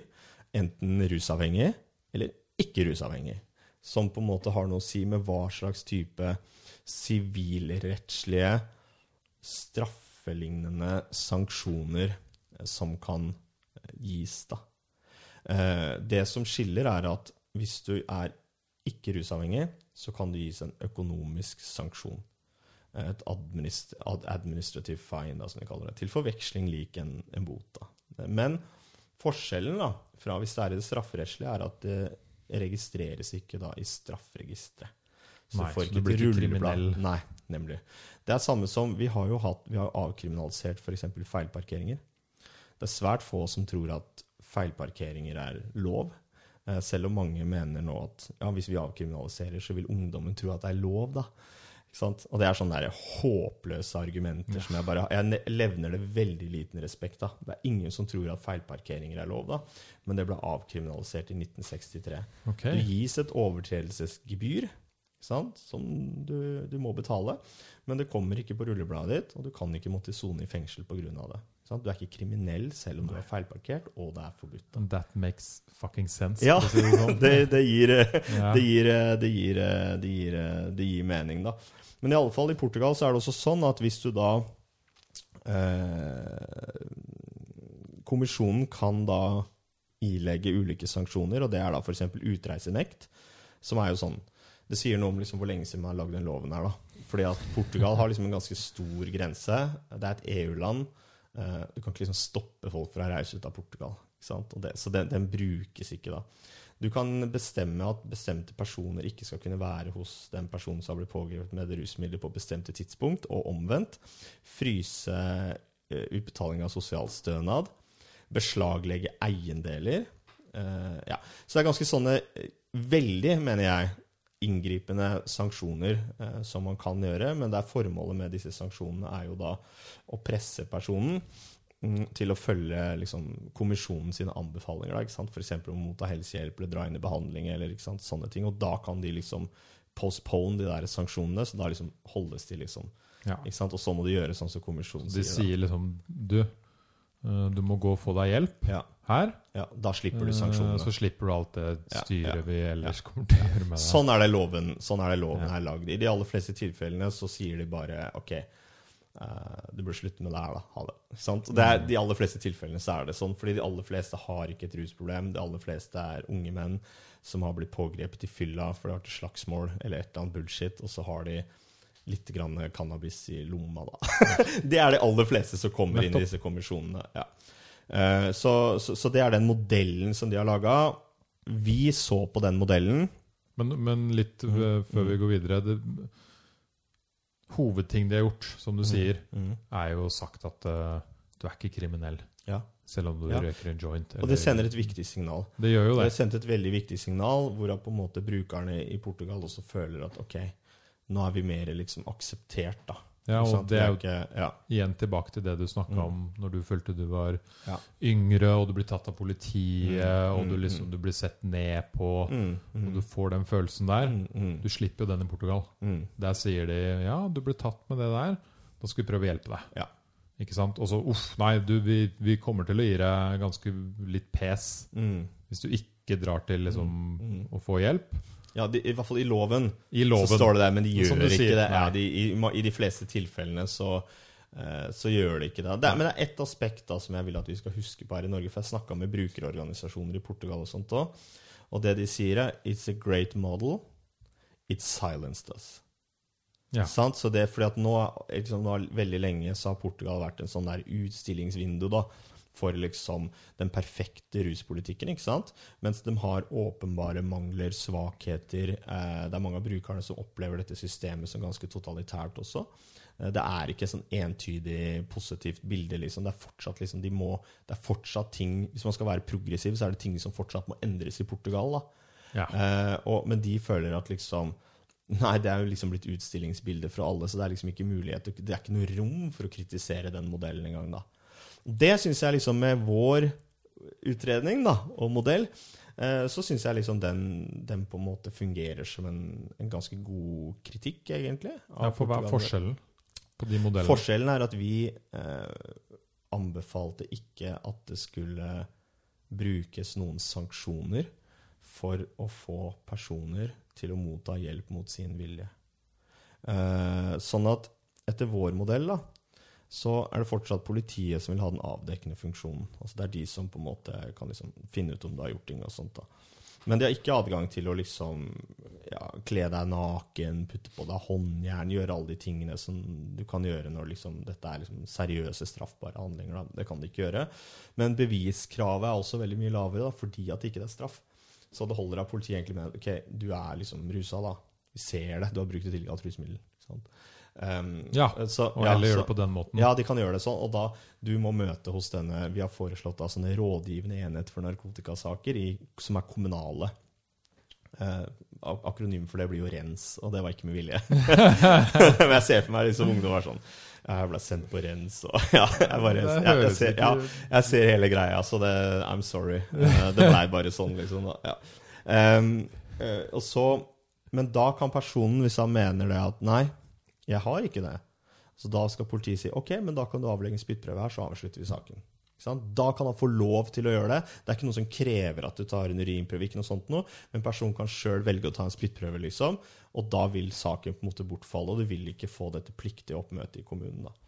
Men fordi at ikke det er snakk om straff for selve lovovertredelsen, eller sanksjon for selve lovovertredelsen, så senkes beviskravet såpass at politiet har egentlig mye mer friheter til på en måte å sørge for at du får en tidlig intervensjon. Da. Eh, og da må du møte opp da, hos denne rådgivende enheten for narkotikasaker i kommunen. Og vi har da foreslått at den skal ha medisinskfaglig, psykologfaglig, sosialfaglig, barnevernsfaglig og erfaringskompetanse. Eh, for å kunne gjøre individuelle vurderinger i hver sak. I skarp kontrast til hva som på en måte påstås, at vi har da foreslått en modell hvor alle behandles likt. Eh, de tunge og de unge, og ikke sant? hele denne diskusjonen der at de rusavhengige ungdom behandles likt. og sånt. Um, ja. så, så er det nå ikke slik. Men så består dette møtet her består i to deler. Det pliktige oppmøtet, da trenger du egentlig Si hvis du, da, Henning, liksom, har vært pågrepet av politiet med ja, to gram amfetamin, da, eh, så um, får du da beskjed om at OK, tar de stoffet ditt, liksom, kjipt, og så får du beskjed om at du må møte eh, hos dette, dette, organet da, i kommunen. Eh, og så Får en innkalling, da. Oslo ja, da får du en innkalling fra, fra, fra den rådgivende enheten. Ja, ja, At du må møte her. Og så kommer du. Uh, og så I første delen av møtet så trenger du egentlig ikke si noen ting. Um, fordi at da skal du frarådes dette her. Generell frarådning. Eller man skal informeres da om forbudet. Hvilke rettsvirkninger det har. Uh, det fortsatt, jeg tror ingen kommer til å tro at dette er lov. Jeg må bare si det. liksom. Jeg mener at der, det er propaganda da, når folk mener det. Uh, og så vil du kunne gis objektiv og nøktern liksom, informasjon om rusmidler og rusmiddelbruk. Si hvis du har kombinert liksom bruk av GHB, benzodiazepiner, så kan du få informasjon om hvordan du forhindrer liksom overdoser og sant, dødelighet og sykelighet, og viktig informasjon som jeg tenker kan komme ut til en del, en del personer som trenger det. da. Du trenger fortsatt ikke si noe, og så vil jeg spørre deg har du behov for og ønsker eh, kartlegging med sikte på oppfølging, behandling eller hjelp. Og da må du samtykke. Så hvis du samtykker til det, da er vi inne i andre delen av møtet, som er hjelpesporet. Hvis ikke du samtykker til det, da er møtet ferdig. It's done. Ja. Fordi at det som er, er at hvis jeg mener at jeg skal tvinge deg til behandling Jeg skal tvangsbehandle deg, egentlig. Eller, eller true med sanksjoner for at du skal motta behandling. Mm. Det er tvangsbehandling. Det er tvang. Det, er det tas ikke beslutninger på et frivillig grunnlag. Eh, da må jeg fatte et tvangsvedtak. Og det stiller ganske sånn strenge krav, egentlig, eh, om at du skal være til altså ganske stor fare for deg selv for at myndighetene skal kunne gå inn og på en måte frihetsberøve deg, liksom, ta fra deg din frihet og tvinge deg til behandling. Da. Eh, så er jo en ting vi har fått eh, kritikk for, da, og det er jo Når ble det Ja, ja, det er jo at vi da har ikke Altså hvis du sier hvis Henning ikke kommer, da, Mm. det kan jo skje. Ja, ja. Du, Herregud, jeg gadd ja. ikke Nei, jeg kom ikke Eller jeg, det var et eller annet greier mm. som skjedde, eller ikke sant? Eller jeg var helt loka. Du veit, ikke sant? Det kan være mange altså, De aller fleste liksom, folk som egentlig ikke har liksom, et veldig omfattende enten psykisk eller rusproblem, de møter på sånne ting. De ja, Men det er vel heller kanskje ja. de som har et problem, som ikke møter opp. Det, det stort sett det er, det er det man regner med. Men hvis du da ikke kommer uh, så har jo ikke vi foreslått at du skal gi straff for ikke å komme. Eh, og det er det jo mange som har kritisert da, til meg. At ja, men da er det jo frivillig oppmøte. Og så er jeg sånn Nei, det er jo ikke det. Det er pliktig. Men, men vi, vi, For vi så på forskninga, da. ikke sant? Vi så på liksom Kan man si at straff fører til redusert bruk? Fordi det er det de som ønsker å straffe, mener, da. Og vi så på forskninga, liksom, og fant ikke holdepunkter for å mene at bruk av strafferettslige virkemidler fører til merkbart redusert bruk i befolkninga. Mm. Sånn? Og da ville det vært veldig rart hvis vi på et sånt kunnskapsgrunnlag skulle anbefale at litt straff til noen personer som mest sannsynligvis er de som har problemer fordi de ikke klarer å møte, det vil sende et viktig signal til en helt annen gruppe mennesker, nemlig ungdom som kan komme til å bruke, prøve rusmidler, ja. sånn at de slutter å gjøre det. Er helt sånn det er derfor politikerne de får ødelegge liksom modellen vår når de vedtar dette her på Stortinget, for de kommer til å måtte ha det der gebyret, jeg er ganske sikker på, for å få det gjennom. liksom. Det skal ikke vi ha på oss, i hvert fall, at vi har på en måte anbefalt noe så toskete. Um, så, det er noe, så det er noe, den saken. Det har vi fått mye kritikk for. Og jeg mener jo, jeg har jobba som ruskonsulent da, i kommunen. Uh, og jeg tror det er svært få liksom, sosialarbeidere som har jobba som ruskonsulent i kommunen, som tenker det at ja, en viktig måte å følge opp rusavhengige personer, det er å innkalle dem til et møte, og hvis ikke de kommer, så sender vi et gebyr. Nei. Da får vi løst problemet. Nei. Det du gjør, ikke sant, hvis du er bekymra for en person, eh, og ikke, får, ikke den personen kommer til et avtalt møte, det er mest sannsynligvis et tegn på at her er det grunn til å være bekymra. Det er det jeg òg tenker. Og da kan du ringe, eller du kan dra hjem til personen.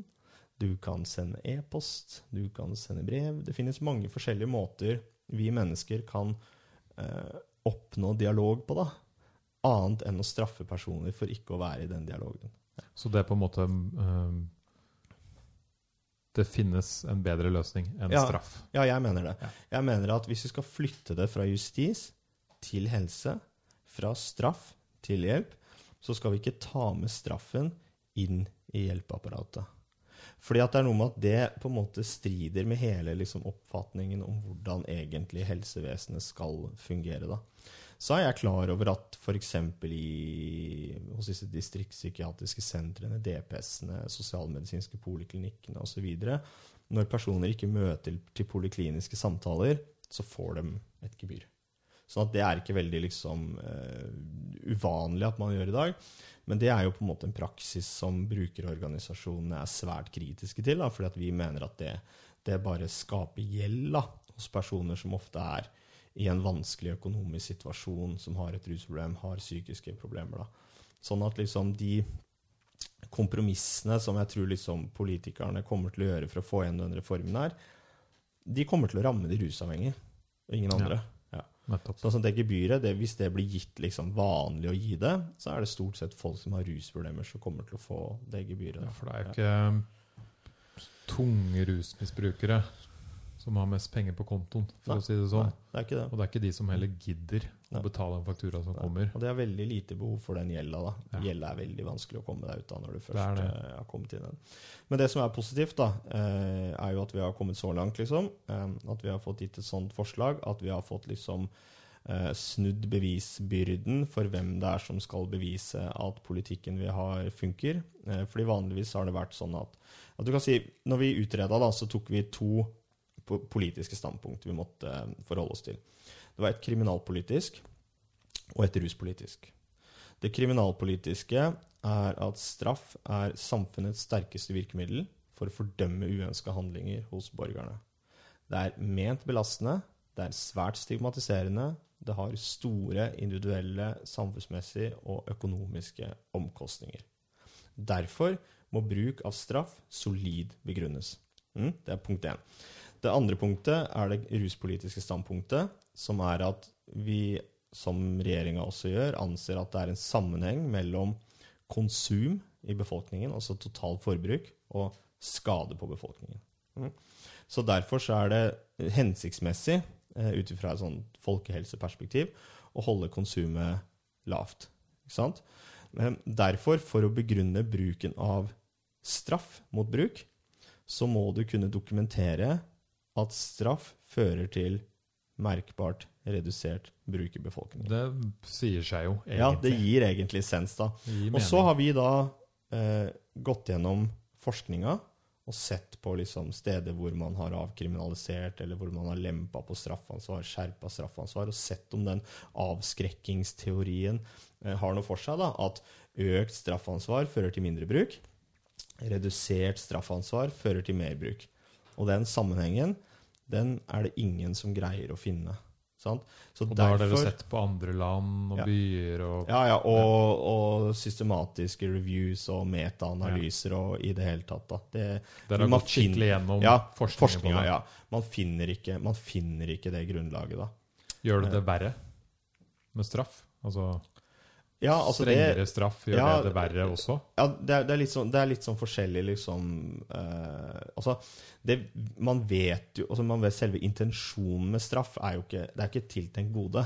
Det er et tiltenkt onde, da, Det sant, som skal gjøre livet ditt verre. Men det Og som er kult, er at rett, Ja, sant, ja. Rett etter at vi på en måte avrakte den NOU-en til, til helseministeren, så kom det en britisk studie eh, eh, som så på da eh, en tvillinger, hvor den ene tvillingen hadde vært i kontakt med justissektoren, eh, og den andre ikke. Sant? Selv på lavere liksom, strafferettslige greier. da. Og hvor du så ganske klart, det var en sterk metode i studiet, at de, den tvillingen som hadde vært i kontakt med justissektoren, reduserte ikke prognosen for eh, videre kriminell atferd. Men økte det. Mm. Sånn at det var høyere sannsynlighet for antisosial atferd og videre kriminell løpebane. da. Sånn at jeg mener at ved å avkriminalisere og heller komme tidlig inn med fagpersoner, prøve å oppnå dialog, vise respekt, så tror jeg at vi kan si at det er forebyggende for videre kriminalitet. Og så er det også med på å skape en type tillit mellom grupper i samfunnet som har ingen tillit. Fordi de blir ikke gitt noen tillit. Altså, Du har ikke tillit til et system som på hvilket som helst tidspunkt kan si at du må kle deg naken, jeg skal se inn i analen din, vi skal sette håndjern på deg, vi skal putte deg på glattcelle, du skal få en bot. Hvis ikke du betaler den bota, så skal du i fengsel. da. Sant? Tilliten er veldig svak til det systemet, som jo er representert av politiet. Eh, de gruppene de prater ikke med politiet hvis de er utsatt for kriminalitet. Og det var sånn jeg prata med politiet i Portugal. da. Eh, det De sa, liksom, de var veldig skeptiske til dette her, da, til å begynne med, liksom den avkriminaliseringa. Fordi at de var redd for at det ville gi dem mindre informasjon. Fordi de kan gjøre mye inn, mindre inngripende ting ikke sant? med å innhente informasjon. da. Men det de oppdaga, var at de fikk mer informasjon. Ja. Fordi at plutselig så Du har jo personer som lever sant, i veldig belasta miljøer. da, Som lever veldig tøffe liv og som er nok de som er mest utsatt for kriminelle handlinger. Sant? Men de går ikke til politiet, for det er i utgangspunktet kriminalisert for problemene som de har. Sant? Så folk blir jo pressa for penger, folk blir rana, folk blir voldtatt, ikke sant? og så videre og så videre. Det siste du gjør da, er å gå til politiet? Ja, du går ikke til politiet, ikke sant. sant? Så det mener jeg liksom er Det er så viktig, da, ut ifra et sånt humant og, og sosialt perspektiv, liksom, at disse gruppene her, de må respekteres, tas på alvor, møtes der hvor de er, og de må inkluderes i samfunnet. Ja, Det er jo litt, det er tilbake til basicen du snakka om i stad. Man skal ikke dytte en type øh, folkemengde ut av samfunnet mm. og tro at det hjelper. Mm. Det gjør jo bare alt verre. Ja. Og det er det vi gjør i dag. vi, vi dag. stigmatiserer, utstøter, belaster og plager. Og grunnen til at vi gjør det, er fordi at vi mener at det sender et viktig signal som ikke skal få andre til å på en måte gjøre sånn som dem. Det er det vi gjør. Og ideen har vært om at vi skal gjøre dette her i et slags formål om at vi skal få et narkotikafritt samfunn. Ja. Og jeg mener at tiden er moden da, for å bare innse at det, det målet der, det kommer vi aldri til å oppnå. Eh, vi må finne andre måter å, å regulere dette på. Uh, og vi må i alle fall ikke plage, skade, utstøte og gjøre livet vanskelig for særlig da sårbare mennesker, liksom, uh, som har hatt vanskelige fortider. da. Mm. Og politikken vi har, den slår også veldig usosialt ut. da. Blant annet så kan du se at ungdom fra Oslo øst de straffes dobbelt så mye som ungdom fra Oslo vest, til tross for at vestkantungdommen bruker dobbelt så mye cannabis. Sant? Eh, Ronny og Ali har liksom ikke kjellerleiligheten som Hans Preben og Wilhelm har. ikke sant? Så de er mer ute og ikke sant? De er mer synlige. Noen av de er på en måte brune i huden. ikke sant? Det er, sånne, det er mange mekanismer her. da. Mm. Um, ungdom som har foreldre med lavere enn fire års akademisk utdannelse, har syv ganger høyere sjanse for å bli straffeforfulgt enn ungdom som har foreldre med høyere utdanning. Alt annet likt, da. Sånn at vi har en politikk som i tillegg til alt det som jeg på en måte har sagt, også særlig rammer eh, ungdom eh, som kommer fra, eh, fra lavere klasser, liksom lavere sosioøkonomiske sjikt i samfunnet. Da. Og virkemidlet vi bruker, er rulleblad. Rullebladet som du får, altså det strafferegistreringa, det er med på å begrense deg på deltakelsen i arbeidsmarkedet og hvilke utdanninger du kan ta. da. Ja, og det er jo det du hører om alltid når du er uh, Som du blir lært som mm. ung. Mm. Det er liksom rulleblad. Mm. Får du noe der, så er du fucked. Ja, for det og det veit alle. Ja, ja. For det går ikke bort, ikke sant? Og, og jeg er jo sjøl en av de. Ja. Uh, jeg har jo riktignok bare bruk- og besittelsessaker. da. Eh, to sånn A4-sider med bruk- og besittelsessaker. Så det er ganske mye, som jeg sa. Det var ikke den smarteste, skarpeste kniven i skuffen på slutten der. da. Det var liksom ganske eksponert, men i tillegg til at politiet liksom jakta på oss veldig og skulle liksom ta oss hele tiden. og ikke sant, sånne ting da. Eh, så det, det gjør jo at det er faktisk en del jobber da, som jeg tror absolutt at jeg burde være kapabel til å gjøre, liksom, og kunne bidratt, da, men som jeg bare ikke kan gjøre. Så er jeg i den heldige situasjonen at hvis vi på en måte får gjennomført den reformen her, så dette her har jo da, da vil alle som har disse eh, anmerkningene i, på rullebladet sitt, det vil gå bort. Ja, for det er jo en utrolig viktig del av det. Ja, og det er veldig mange mennesker um, som da vil få et rent rulleblad. Mulighet som får blanke ark, og kan, de kan bli eh, politi. Mm. Eh, de kan bli eh, piloter. ikke sant? De kan jobbe i kommunale helse- og omsorgstjenester. De det er jo disse folka Mm. som skjønner, sånn som deg, da, Mm. som skjønner det systemet. Mm. Du har kommet derfra. Mm. Du veit hvordan det funker. Mm. Eh, Men jeg er fucked, fordi at det er ingen som ikke veit hva jeg har drevet på med. Sånn at det, jeg har liksom eh, Jeg vil, vil jo være, i så fall være en av de som klarer å slette mitt eget rulleblad, så kan si det på en litt sånn flåste måte. Men det er ikke noe hemmelighet lenger. Liksom, så jeg får ikke putta liksom the genie back in the bottle. Nei, men man trenger virkelig folk som deg, Kenneth. Mm, Det er utrolig viktig for samfunnet. Og så lurer jeg på hvor er vi liksom i dag Mhm. med rusreformen? Hva er det som skjer? Hva skjer da? Oh my god. Eh, det som skjer, det er jo at eh, det var flertall fordi at eh, alle de borgerlige partiene Erna fikk det jo som hun ville, og fikk alle de borgerlige partiene i regjering. Ja. Og så tror jeg det var et sånt tilfelle av Be careful what you wish for, egentlig. At liksom det, det var ikke så greit, da. Eh, Men i alle fall så tilslutta da alle de borgerlige partiene seg Granavolden-erklæringen, eh, som sa at de skulle gjennomføre rusreformen, med utgangspunkt da, i, i Rusreformutvalget sitt forslag. Så noen endringer ville det vært, som jeg nevnte, et sånt overtredelsesgebyr. Du vil sikkert ha lavere på en måte mengder som skal være straffritt enn det vi har foreslått. ikke sant? Litt, eh, litt sånne ting. Mm, så da var jo både Kristelig Folkeparti og Frp, som i utgangspunktet ikke er liksom lyst på det her, da, var bundet av den plattformen. ikke sant? Uh, Frp gikk jo ut av regjering, sånn at nå har ikke da Høyre flertall alene. ikke sant? De, de, den Høyre-regjeringen har ikke flertall alene. Så da er de avhengig av enten fordi SV er ikke store nok, MDG og Rødt er ikke store nok på ting i hvert fall nå. Eh, proposisjonen kommer fra regjeringa til Stortinget en eller annen gang i april 2021, eh, og skal jo da vedtas før, før sommeren, da. Så da er eh, regjeringa avhengig av enten Frp eller Arbeiderpartiet sin støtte, da. Eh, og Arbeiderpartiet var jo sånn ja, velkommen etter Høyre, vi har ment det her hele tida og sånn. Og det står seg ikke sånn kjempegodt i dag, da. Eh, nå er de der at eh, de har eh, programutkastet som de har kommet med nå, da, programkomiteen, for arbeidsprogrammet deres for 2021 til 2025.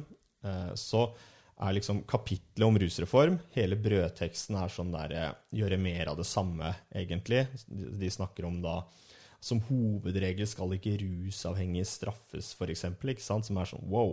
Liksom de, er, de har blitt mer konservative. Tidligere så sa de iallfall rusavhengige skal straffes. ikke sant? Nå skal de som hovedregel ikke straffes. Men så har du da programpunktene. da. De sier at eh, Arbeiderpartiet vil gjennomføre en rusreform. Eh, og at de skal flytte ansvaret for samfunnets reaksjoner fra justis til helse. Det er en avkriminalisering. egentlig med på Ja. det. Jo, men, ikke sant? Men- det her er bare et det her, bare, det her det uttrykker, det er at det er enorme interne spenninger i Arbeiderpartiet. Hvor du har sterke politikere som f.eks. Tore O. Sandvik ikke sant, fra Trøndelag, som er veldig imot. Og så har du personer i helsefraksjonen f.eks. på Stortinget. Og så har du Oslo Arbeiderparti, Bergen Arbeiderparti, som er veldig for. Så her, dette her vil da avgjøres på landsmøtet til Arbeiderpartiet, som er 15. til 18. april. Da. Oi. Yes, det er en skikkelig thriller. Um, Arbeiderpartiet burde ikke være det partiet som gikk ned i historien som ønska å gruse vår tids viktigste sosialpolitiske reform, som i stor grad rammer ungdom som kommer fra lavere klasser, altså arbeiderklassens barn. Det tror jeg ikke de ønsker å være huska for. Eh, samtidig så forstår jeg at det er mye misoppfatninger, myter, det er mye propaganda, debatten er veldig polarisert, som gjør det vanskelig å helt fullt ut egentlig forstå at denne reformen ikke er en legalisering, og at ikke det er en så radikal endring som enkelte tror, og at ikke det vil få den konsekvensen som enkelte frykter. Så der mener jeg at vi på sivilsamfunnet vi har liksom et veldig eh, stort ansvar da, eh, for å informere, oppklare, orientere, følge opp og prate med de ulike lokallagene i eh, Arbeiderpartiet. Mm. Eh, det jeg også syns, er jo at jeg syns at liksom eh, Du har forskere ved Folkehelseinstituttet, eh, ved Seraf, eh, som jeg syns er besynderlige, liksom. Eh, de på en måte bidrar i svært liten grad. Det eneste de gjør, er å synse, føle og tro at dersom vi slutter å sanksjonere rusmiddelbrukere, så vil det bli mer økt bruk, uten at de forholder seg til noe som helst data, ingenting, liksom, og forholder seg ikke til et allment akseptert prinsipp om at straff er en samfunnets sterkeste virkemiddel for å fordømme uønskede handlinger, og må solid begrunnes. Så vi har en sånn debatt, liksom, hvor liksom autoriteter på feltet synser og føler og tror, og så henviser f.eks. organisasjoner sånn som Aktis, da, som jo er for avkriminalisering, men de er ikke helt ærlige, det er ikke det de egentlig vil. da. Men så henviser det til sånne, og så har du sånn appeal to authority-type Mm. greie. ikke sant? Vi appellerer til autoritet, liksom, og på en måte ser bort ifra liksom eh, forskning og kunnskap og, og sånne ting. For vi, vi, er redd, vi er veldig redd for at dette er vil, hva dette vil føre til. da. Så der har vi en jobb. Samtidig eh, så er ikke jeg der at jeg avskriver Fremskrittspartiet. Nei. Eh, jeg vet at nå snakkes det veldig mye om at alt ligger på Arbeiderpartiet. Det er Arbeiderpartiet som avgjør. Jeg tror Arbeiderpartiet skal huske at de er ikke nødvendigvis den eneste maktfaktoren i landet her nå. Eh? Og Fremskrittspartiet de tilslutta seg Granavolden-erklæringen. De gjorde det. De gjorde det, vet du. Og jeg tror ikke at dette er en deal-breaker for velgerne til Frp. Jeg tror egentlig at deal-breaker for velgerne til Frp, en del av de er eh, innvandring. Eh, og eh, en annen del er skattepolitikken. Ja, det virker som Ja. viktigere ting Jeg tror, det, jeg tror det er de viktigste sakene for, eh, for Frp sine velgere. Sånn at, og jeg har forstått det slik at det er folk i Frp som ønsker reformen. Eh, FPU for eksempel, har vært veldig liksom, tydelig i den saken her kjempelenge. Det finnes mange progressive, liberale folk i Frp på rusfeltet. Eh, og eh, jeg tror også at de samme personene ønsker å regjere med Høyre en gang til. Og det er viktig at man forstår at det her er ikke så Venstre har alltid vært for dette her, men dette er ikke en, bare en venstresak. Høyre er for dette, ikke sant? Og helseministeren har vært for dette her, og har vært liksom en viktig liksom, motor i å sørge for at vi kan komme hit. da. Så jeg tror at dersom ønsker, at Frp ønsker et regjeringssamarbeid sammen med Høyre, så vil det være veldig eh, klokt og riktig at de finner kompromisser ikke sant, som alle kan bli enige om. da, ikke sant, Om man får det der overtredelsesgebyret, man skjønner at eh, politiet fortsatt har den avdekkende funksjonen, beviskravet senkes, ikke sant? alle mulige sånne ting. Man kan senke litt på terskelverdien. Det er mange ting man kan gjøre innenfor et avkriminalisert regime, sånn at selv liksom, de argeste motstanderne kan føle seg liksom, komfortable med at det her er ikke farlig. liksom. Og så burde de på en måte stemme for dette her Mm. på Stortinget. da. Og da tror jeg det er en sånn ønskesituasjon, liksom, hvis Frp hadde gått inn for dette her, som de i utgangspunktet gjorde. Eh, da kan jeg ikke se for meg hvordan Arbeiderpartiet skal kunne gå imot. Jeg bare kan Nei. ikke, liksom. Det, det vil være veldig, veldig rart. da. Så jeg håper det på en bred forankring, hvor det bare er Senterpartiet som er imot. Ja, Ja. ikke sant? La oss virkelig håpe det, og det får man da vite neste år. Mm. Det gjør man. Det blir sinnssykt spennende. Så Ja, du er sitter og venter spennende. og liksom ja, rister på Ja, jeg jobber på- aktivt med dette her, da. Er det noe som uh, man person kan gjøre for å bidra Mm. innenfor dette feltet for å spre informasjon, eller Ja, jeg, jeg tenker det. Det er å skrive, skrive leserinnlegg. Ja. Uh, lese NOU-en, liksom virkelig lese den. Mm. Uh, I hvert fall de kapitlene som er på en måte mest eh, relevante, liksom. Som f.eks. det som går på hvordan modellen vil se ut i praksis. Uh, da vil mye sånn myter falle bort ganske raskt. Og også da kapittel tre, som går på hva vi kan si om effekten av rusreform i andre land. da. For å se liksom hva, hva er dette her, hva dette betydd for noe på en måte internasjonalt. da. For dette er viktig. Eh, Norge eh, har fått en stemme nå internasjonalt i FN-systemet. Mange land ser til Norge. Eh, Den svenske debatten om avkriminalisering har kommet opp nå. Eh, Det tror jeg kommer mye pga. det forslaget som ligger på bordet i Norge. Eh, Det er en debatt i Danmark. Det er mange dansker som syns det er veldig rart at vi er mer progressive enn dem. Ja. Det er jo, men det er fordi at dette her er ikke liksom en liberalistisk reform. ikke sant? Her har på en måte reformbevegelsen og andre i Norge har på en måte skjønt at liksom i Norge så er det helse. Vi er sterke på helse. ikke sant? Vi er opptatt av helse, og det er på en måte argumentert ut ifra helseperspektiv.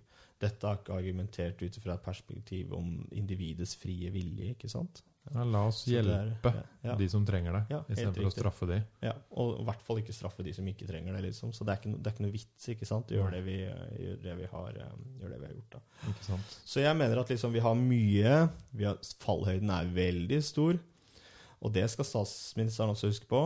Fallhøyden er veldig stor for henne. For dette har vært løfta fram. Høie har vært på narkotikakommisjonen i FN, presentert dette.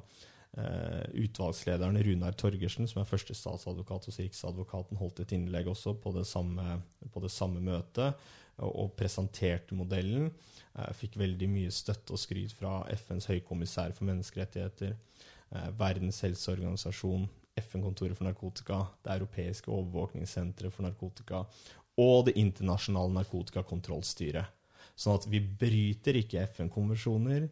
Eh, Det er godt akseptert. Andre land ser til oss, og dette vil være en viktig del av en stor internasjonal bevegelse hvor vi går fra straff til hjelp. Utrolig bra, Kenneth. Jeg må si du er en uh, ordentlig fascinerende og inspirerende mann. Jo, takk. Det, Ja, det, og en veldig viktig stemme. Mm.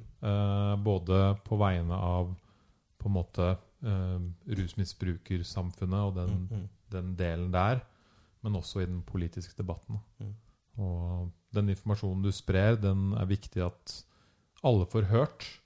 Og det var derfor jeg sa før du kom inn i rommet her og vi trykka play, at uh, ta oss helt fra A til Å. Mm. Forklar hele situasjonen. Mm. Og det føler jeg du har gjort i dag. Mm, takk. Så Ja. Utrolig bra. Ja, det var veldig Eh, veldig hyggelig å være her. Veldig sånn, eh, du, Dette passer du til, da. Ja, så veldig bra. veldig eh, enkel å snakke med og stille veldig gode spørsmål. Så jeg følte det var veldig komfortabel seanse. Ja. Kjempebra. Og jeg uh, gleder meg til å invitere deg tilbake til en forhåpentligvis positiv Ja. podkast. Jeg kommer hvis det er negativt òg. Ja, ja, men det- det er det jeg sier. Da blir det en annen stemning her, men.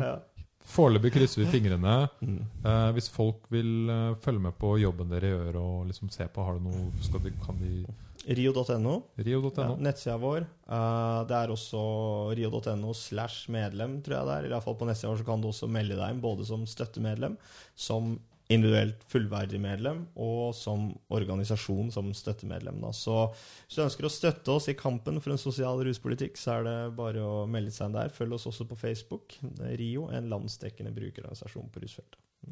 Tusen takk for i dag, Kenneth. Ja, takk det var helt topp. Ja, takk.